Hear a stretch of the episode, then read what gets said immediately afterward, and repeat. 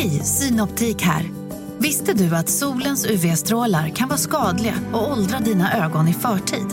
Kom in till oss så hjälper vi dig att hitta rätt solglasögon som skyddar dina ögon. Välkommen till Synoptik. Upptäck hyllade XPeng G9 och P7 hos Bilia. Våra produktspecialister hjälper dig att hitta rätt modell för just dig.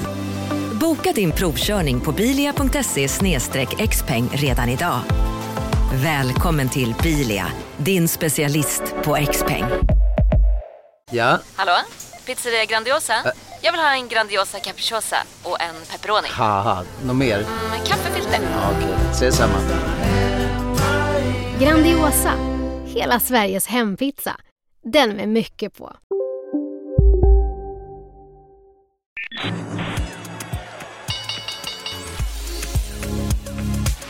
Det här är Affärsvärlden Magasin med Helene Rådstein. Hej och hjärtligt välkomna till podden Affärsvärlden Magasin där vi varje måndag fördjupar oss i affärsvärldens journalistik. Jag heter Helene Rådstein och jag sitter här med Anna Bäck som är vd för Kivra. Välkommen hit! Tack så jättemycket. Kivra, det är en digital eh, brevlåda, en app kan man säga där man får sin post, eller? Ja, det stämmer väl. Vi är en eh, digital brevlåda där man kan få sin post och nu även kvitton från många eh, affärer. Och vår ambition är att vara en bättre plats för dina viktigheter. En sak som har trillat in i appen det är ju till exempel inkomstdeklarationen från Skatteverket. Stämmer bra det. Ja. I år var första gången som det kom fler inkomstdeklarationer digitalt än på papper. Ja, är det så? Det stämmer bra det. Skatteverket gick ut med den informationen. Är det bara ni som levererar digitalt? Eh, nej, det finns fyra digitala brevlådor i Sverige idag. Och vilka är de andra? Ja, eh, en äger myndigheterna som heter, heter Min myndighetspost och sen är det två andra privata aktörer. Är det ni som har avtal med Skatteverket eller skickar de ut? De skickar till allihopa. Så det finns en eh, digital eh, infrastruktur som heter Mina meddelanden. Och de har koll på vilken digital brevlåda varje medborgare har valt. Och eh, vad ska man säga? Ni eh, grundades, eh, det är ungefär för tio år sedan, lite drygt Ja, kanske? ungefär. Ja. Och det var via en fusion av två andra bolag i botten. Ja, det stämmer väl. Så det, det var eh, ett bolag som kom mer från att skicka kreditomfrågande kopior och ett som skickade brev. Så att, eh, och 2013 bytte man namnet till Kivra. Mm. Ni är techbolag, eller hur tänker ni själva? Ja, vi definieras ofta som ett fintechbolag på grund av att vi har eh, en betaltjänst också, att man kan betala de fakturor man får i Kivra i Kivra. Men eh, ja, vad vi ser det som? Jag ser det som en stor konsumentnytta, men absolut fokus på att omvända tek- eh, omvandla teknikens möjligheter att skapa nytta för medborgare, konsumenter och de som skickar post. Hur många liksom, avsändare har ni nu i systemet? Nu har vi ungefär 32 000 avsändare som skickar post. Då. Så allt från väldigt stora eh, aktörer till många småföretag också. Mm. Och eh, som stora aktörer, vi pratar om eh, Skatteverket, Valmyndigheten, CSN, vad kan man säga? Ja, eh, flera stora försäkringsbolag, kreditupplysningsföretagen, telekombolag, energibolag. Eh, Så alla möjliga typer av eh, både stora företag och många små också. Och nu, hur gör ni då? Om ni ska nå ut till små företag, för då kan man, man- kan skicka lönespecifikation och allt möjligt då. Hur Ja. har ni gjort där? Eh, Då bygger vi mycket partnerskap. Faktiskt både för de stora och för de små så bygger vi partnerskap med olika aktörer i ekosystemet. Så det kan vara allt från eh, rednings, eh, redovisningsföretag eller system, eh, lönesystem eller så kallade printpartners. Då. Så ett exempel för småföretag är Visma SPCS. Och då finns det både möjligheter att skicka lönespesar men även skicka fakturor till konsumenter. Om du till exempel är fönsterputsare och vill skicka fakturan till dina kunder. Jag har Kivra och Mm. eh, det är jag inte ensam om. Jag är i sällskap, det är typ 4 miljoner ungefär. Ja, nu är det över 4 miljoner, så jag tror det är 4,1 eller 4,2 miljoner medborgare som har Kivra. Ja. Är du nöjd med den siffran? Ja, det är en jättebra fråga. Det är en fantastisk siffra. Samtidigt som jag kan tycka att eh, de andra 4 miljonerna vill de verkligen ha posten på papper. Ehm, Så att det, det går både snabbt och långsamt. Finns det någon kategori av människor där liksom, som inte, aktivt inte vill? Eller är det att ni inte har nått dem? Vad tror du? Alltså, vi har ju absolut flest användare i de yngre åldrarna. Så Ja. mellan säg 20 och 40 så är det 75 procent av befolkningen har Ja. Kivra. Mm. Medan de som är över 70 så kanske det är 20 procent. Så att det är absolut eh, fler eh, yngre än äldre, skulle jag säga. Mm. Och sen de riktigt unga har vi inte heller idag, så. Och om vi då säger som er affärsmodell. Eh, om man är kund och ska skicka ett post, varför ska man göra det via er? Ja, Jag, jag ser flera delar. En, en sak är att det är billigare eh, än att skicka på papper. Men sen är det ju mer eh, hållbart, eh, både från miljöperspektiv och även från liksom, att människor idag är rörliga. Man pratar mycket om mobilitet och mobile first. Men ser man ur hållbarhetsperspektiv så kan det kännas lite uråldrigt att hugga ner träd och använda energi till att trycka papper och sen transportera dem med bilar hem till människors hus eh, istället för att eh, skicka dem digitalt. Eh, ser man ur ett, liksom, någon slags demokratisering, alla får posten samtidigt, eh, så ser vi, vi har ju Sveriges nordligaste invånare, Sixten, som användare. Han får sin deklaration samtidigt som jag. Eh, det tycker jag är ganska häftigt. Eh, annars körde han två mil bil för att hämta sin post som kom en gång i veckan. Ehm, så att det är ju också någon slags digitalt innanförskap i det, att man får det samtidigt. Och ser man idag i pandemins tider så är det ju mer relevant än någonsin att man kan få posten exakt där man är, då många jobbar hemifrån men kanske också väljer att jobba, inte hemifrån sin bostadsadress utan från andra, kanske en sommarstuga eller har möjligheten att vara någon helt annanstans. För om man ser då, eh, om man ska skicka ett vanligt brev med Postnord så kostar det ungefär 12 kronor att skicka. Det här är ju för privat privatpersoner, så det är ju inte riktigt samma eh, kostnader för företag och sådär. Men ett digitalt porto med er, det ligger på mellan 1,50 och 3 kronor. Ja, det stämmer. Ja. Så vi har också en, en så att säga, rabattprislista, de som skickar riktigt stora volymer kontra de som skickar lite mindre volymer. Så det kostar mellan en och en halv till tre kronor. Marknaden sponsras av SPP, pensionsbolaget. Eh, Förra gången pratade vi lite om ITP. Och som en kort repetition så, så var det ju 70-tal, arbetsmarknadens parter bestämde att alla tjänstemän ska ha en tjänstepension. Man kom överens om vilka villkor som ska gälla i den här pensionen och så kallade man den för ITP. Så jobbar man idag som tjänsteman i ett företag med kollektivavtal, då har man förmodligen den här pensionen, ITP-pensionen. Eh, och det är ju så att man kan påverka eh, den här pensionen, hur den är placerad. Vart femte år så gör nämligen Collectum, som de heter, en enorm upphandling där olika pensionsbolag kan ansöka om att få förvalta eh, de här pensionerna. Och SPP är ett av bolagen som valdes ut i den senaste upphandlingen. Och sen kan du som pensionssparare välja eh, vilket av de här olika pensionsbolagen som, som då ska få ta hand om dina pengar. Och tanken med den här upphandlingen det är ju att liksom kvalitetssäkra de här olika alternativen eh, men också att förhandla fram stora rabatter så att pensionsspararna ska få ja, kunna spara pengar genom att avgifterna eh, som är så viktiga eh, blir eh, lägre. Och vill man välja någonting i ITP-systemet då finns det en relativt ny sajt som heter avtalat.se. Ehm, där kan man gå in och se hur sin ITP-pension är placerad. Jag gjorde det häromdagen faktiskt. Ehm, idén är att hälften av pengarna alltid ligger i något som kallas för traditionell försäkring. Det här gjorde vi ett avsnitt om i podden Kapitalet nyligen eh, som vi kallade världens bästa sparform. kan man lyssna på om man är intresserad. Eh, den andra halvan eh, den kan man också lägga i en traditionell försäkring eller så kan man placera det i något som kallas för fondförsäkring. Eh, SPP som sagt eh, var ju ett av de fåtal bolagen som valdes ut i den senaste upphandlingen och de finns med som alternativ både med en traditionell försäkring och med eh, fonder. Så det var en liten bakgrund till ITP-systemet. Vill man läsa mer om det här eller typ kolla hur ITP-pensionen är placerad, eh, kanske göra förändringar, då går man in på avtalat.se. Eh, Men tack säger jag till SPP som vill göra oss människor mer medvetna om hur enormt viktig pensionen är för oss som en framtida lön, men också som en positiv kraft i samhället. Eh, och förstås för att ni möjliggör eh, den här podden Marknaden. Du lyssnar på Affärsvärlden Magasin med Helene Rådstein. För en sak som eh, man har förstått här, det är att det har, liksom, ni håller på att digitalisera ett 400 år gammalt postväsendet. Och det har liksom visat sig vara långt eh, annat än eh, enkelt, eller? Ja, det kan man säga. Ibland känns det otroligt lätt. Eh, Just när man bygger de här partnerskapen och man ser att liksom man får många hundra avsändare, framförallt småbolag, att kliva på varje vecka. Eh, Men sen kan det också kännas väldigt trögt. Att varför om Sverige har sagt, eh, man har ju, har ju gått ut och sagt att man ska vara bäst på att tillvarata digitaliseringens möjligheter, bäst i världen på att tillvarata digitaliseringens möjligheter. Och samtidigt så är det inte så att alla myndigheter, kommuner och regioner skickar digitalt. Jag tycker att det skulle vara en självklarhet att medborgaren själv får välja kanal. Och sen, eh, sen att man väljer, eller att man inte har fått igenom den lagstiftning som krävs för att betala för digital post. Det gör ju också att man, man eh, eh tycker jag inte liksom, eh, går från vision till handling. Ni får inte betalt från staten för att skicka deras post? Stämmer. Och det är en, en komplex process på grund av att det krävs en lagstiftning. Samtidigt så har systemet Mina meddelanden sjösattes i oktober 2013 och då valde Kivra att stå utanför eftersom det inte fanns en betalmodell på plats.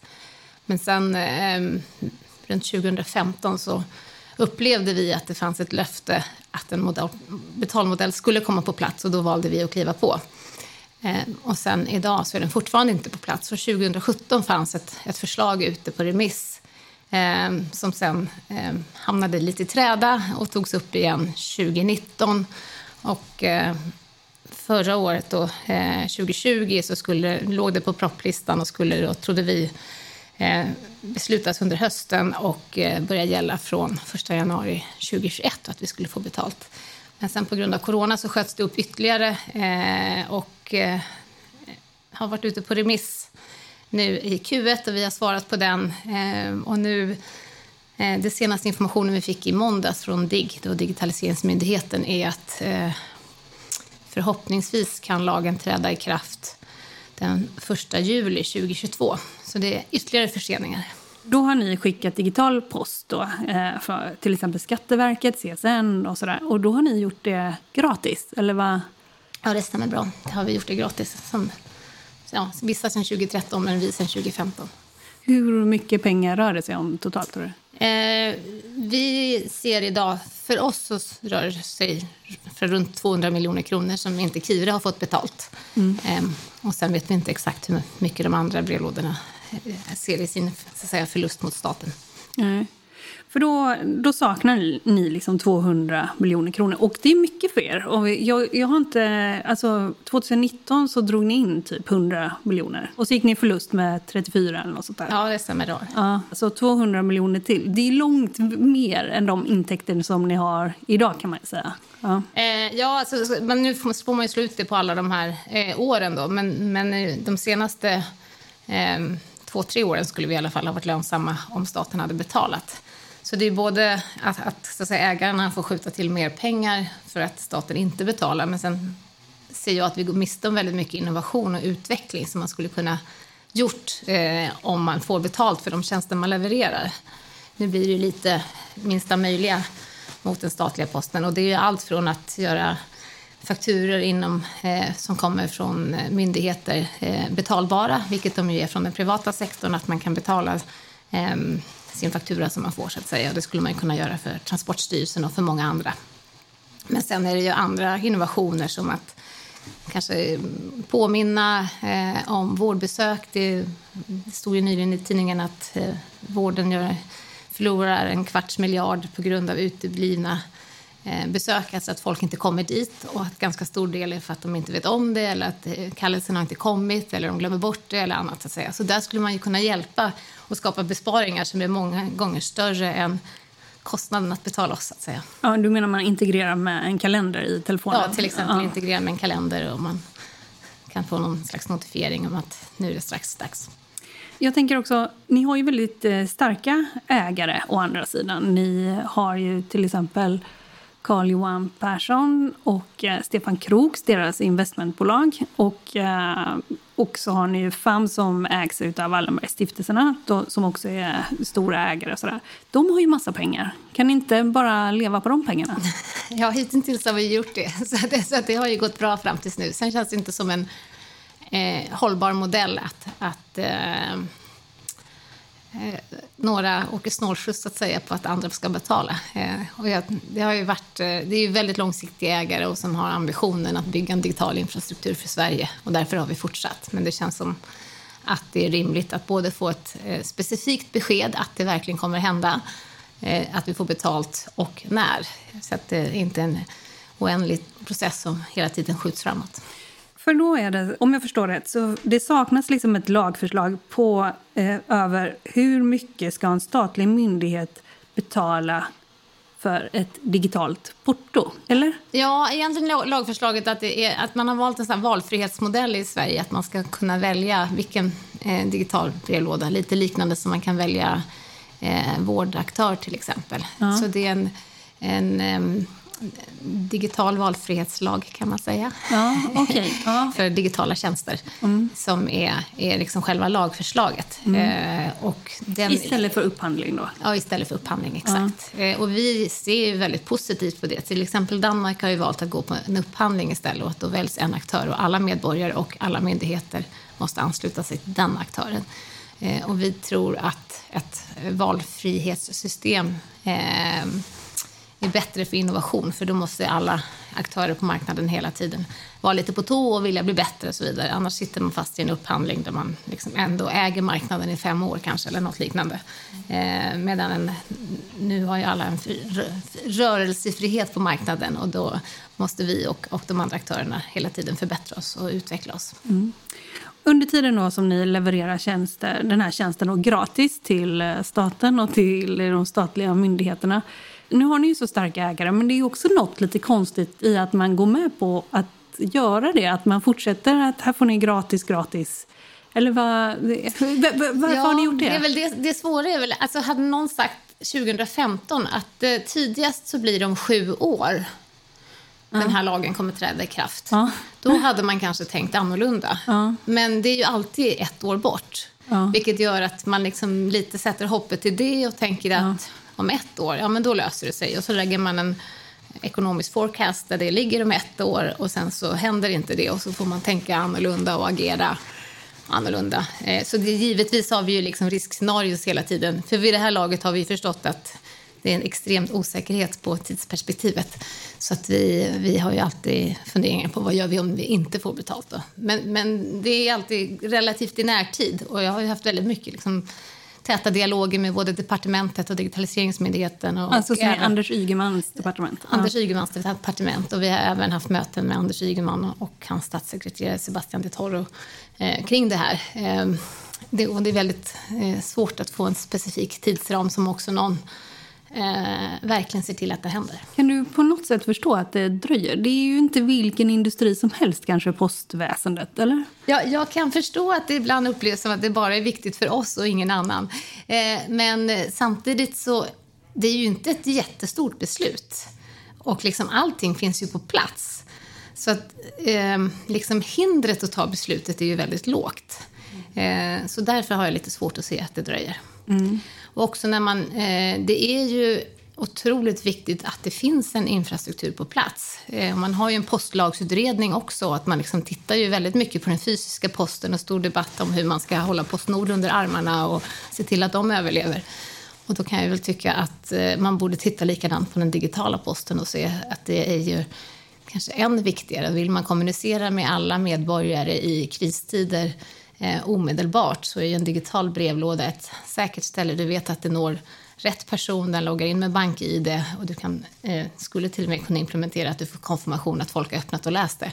Även om vi i dagsläget inte gör så. Jag tycker det är ganska intressant det du pratar om så här, digitalt innanförskap. Jag vet att i Almedalen för några år sedan när jag var där så pratade man om ett digitalt utanförskap. Att, eh, liksom, att nu ska du göra alla bankärenden så digitalt. Och, eh, jag tycker det var en ganska så här, rolig vändning när du säger också att det är viktigt att man får sin post digitalt. Eh, att man kan välja det, så att säga. Ja, nej men verkligen. Och, och vi tittar ju mycket på just liksom... Eh, ja, vi pratar om design för alla. Jag kom själv från liksom, utveckling av även produkter för eh, olika typer av konsumenter och att det ska vara inkluderande design och, eh, och att det ska just funka för alla. Men digitala tjänster ger ju möjligheten att synskadade kan få Eh, det är uppläst enkelt med via olika applikationer. Man kan lätt översätta till andra språk genom att markera en text och lägga in i översättningsprogram. Så det är många saker som eh, är mer inkluderande i den digitala världen än i den fysiska världen. Mm.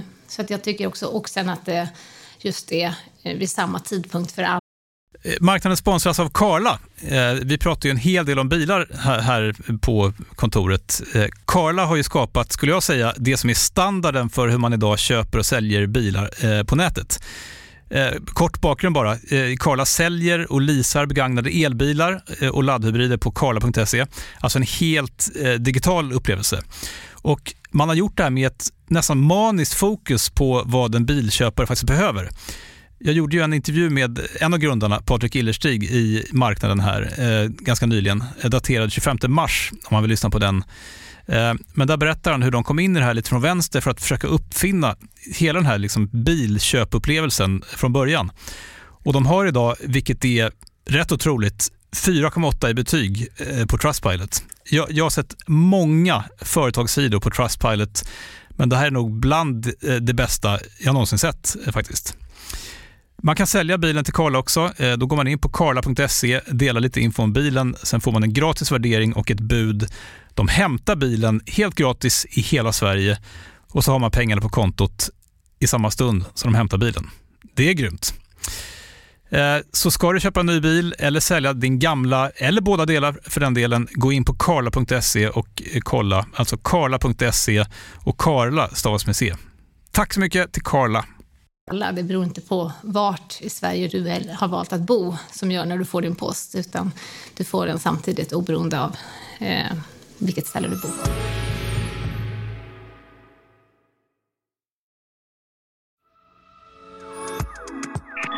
Du lyssnar på Affärsvärlden Magasin med Helene Rådstein.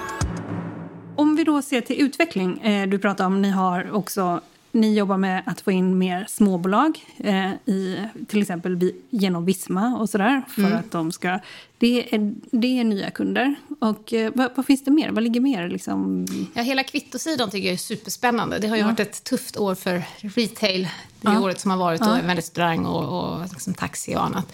Men på sikt så ser jag det som en fantastisk tjänst och de konsumenter som använder, det är nästan två miljoner personer som har valt att eh, ha eh, Kiva-kvitton. Ja.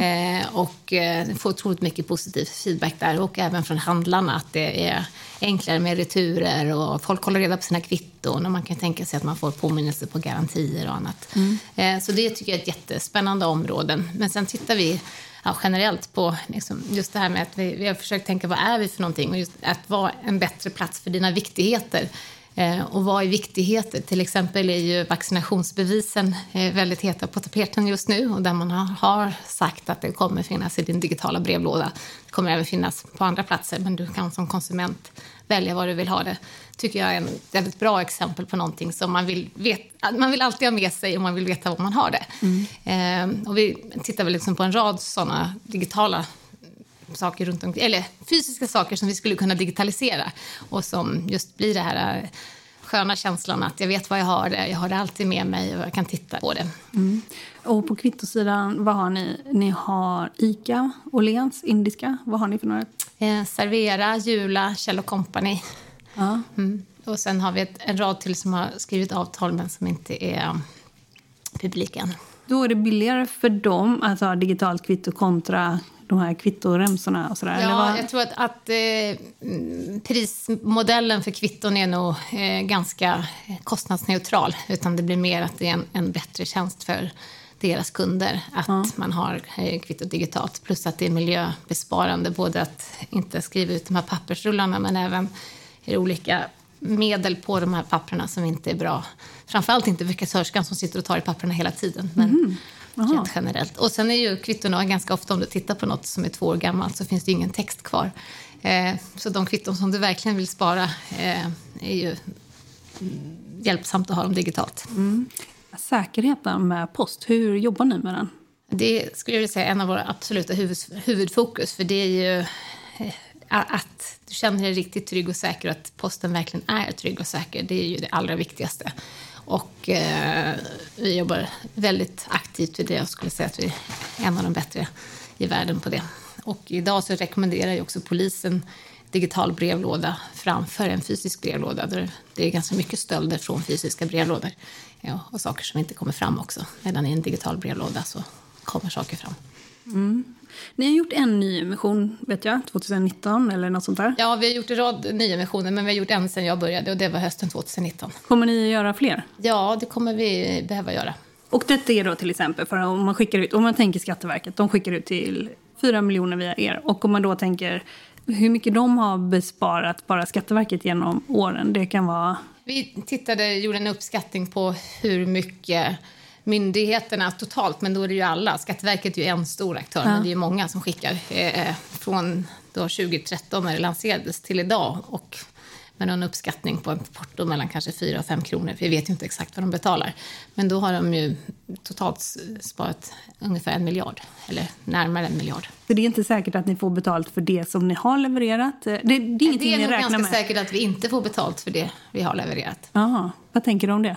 Jag känner att det viktigaste är att få en, en modell på plats för liksom, att kunna arbeta framåt. Ja, så ni också kan räkna med liksom, vad, vad, vad ni har framåt? Absolut. Mm. Mm. När man tittar ut i världen så finns det ju inte så många digitaliserade postsystem. Det finns i Danmark, Norge. Ni har gått in i Finland. Hur funkar ja.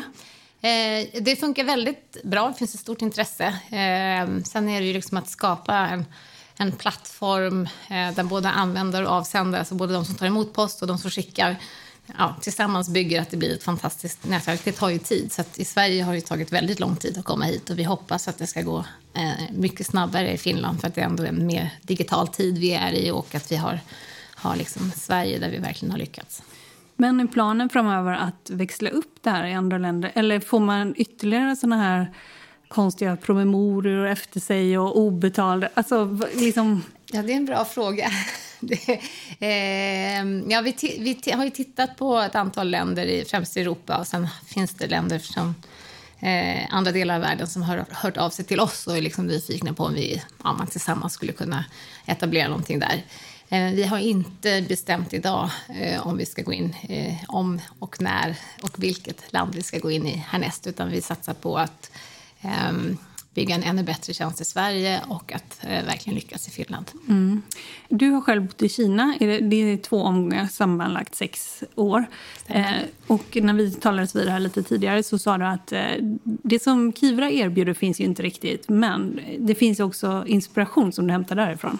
Ja, absolut. Jag är väldigt eh, inspirerad av, av eh, liksom, många av de digitala tjänsterna i Kina. Och jag bodde där först 2005-2008 och då kändes det som de var väldigt efter. Och 3G kom i resten av världen och man kom hem och man hade en sån gammal feature phone och alla hade börjat ha iPhones. Eh, sen bodde jag där 2013 till 2016 och då kändes det som de hade sprungit förbi resten av världen och med väldigt avancerade betaltjänster och eh, ja, WeChat där mer och mer du kunde få en elräkning och vissa eh, regioner eh, hade sitt körkort där och så vidare. Så att, eh, de har helt plötsligt verkligen skapat en, en eh, väldigt digital miljö och väldigt digitala invånare. Så jag tycker att det är spännande att liksom titta och få inspiration och så ser man liksom några guldkorn här och där som kan vara applicerbara på vår marknad. Mm. Okej, om vi talas vid om ett år, vad, vad tror du att du har uppnått då? Ja, eh, jag tror att eh, vi kommer att ha växt enormt mycket på eh, avsändarsidan och just att vi får in mer och mer och skapar möjligheten att få in småföretag på ett helt annat sätt än tidigare. Eh, kvittosidan tror jag väldigt mycket på så snart eh, corona släpper också, att det blir en bättre energi i hela retail-delen. Eh, jag hoppas att det finns en, ett lagförslag klubbat. Eh, men eh, jag vet inte om jag ska säga att jag tror på det, men jag, det är stark förhoppning. Eh, och sen eh, givetvis fortsatt tillväxt inom konsumentsidan. Jag säger tack till dig, Anna Bäck, vd för Kivra, för att du var med i podden Affärsvärlden Magasin. Tack så jättemycket. Du har lyssnat på podden Affärsvärlden Magasin med mig, Helene Rådstein. Mer information om vår journalistik hittar du på www.affärsvärlden.se. Och den här podden den är tillbaka om en vecka eller veckan efter det. Håll ut. Hej då!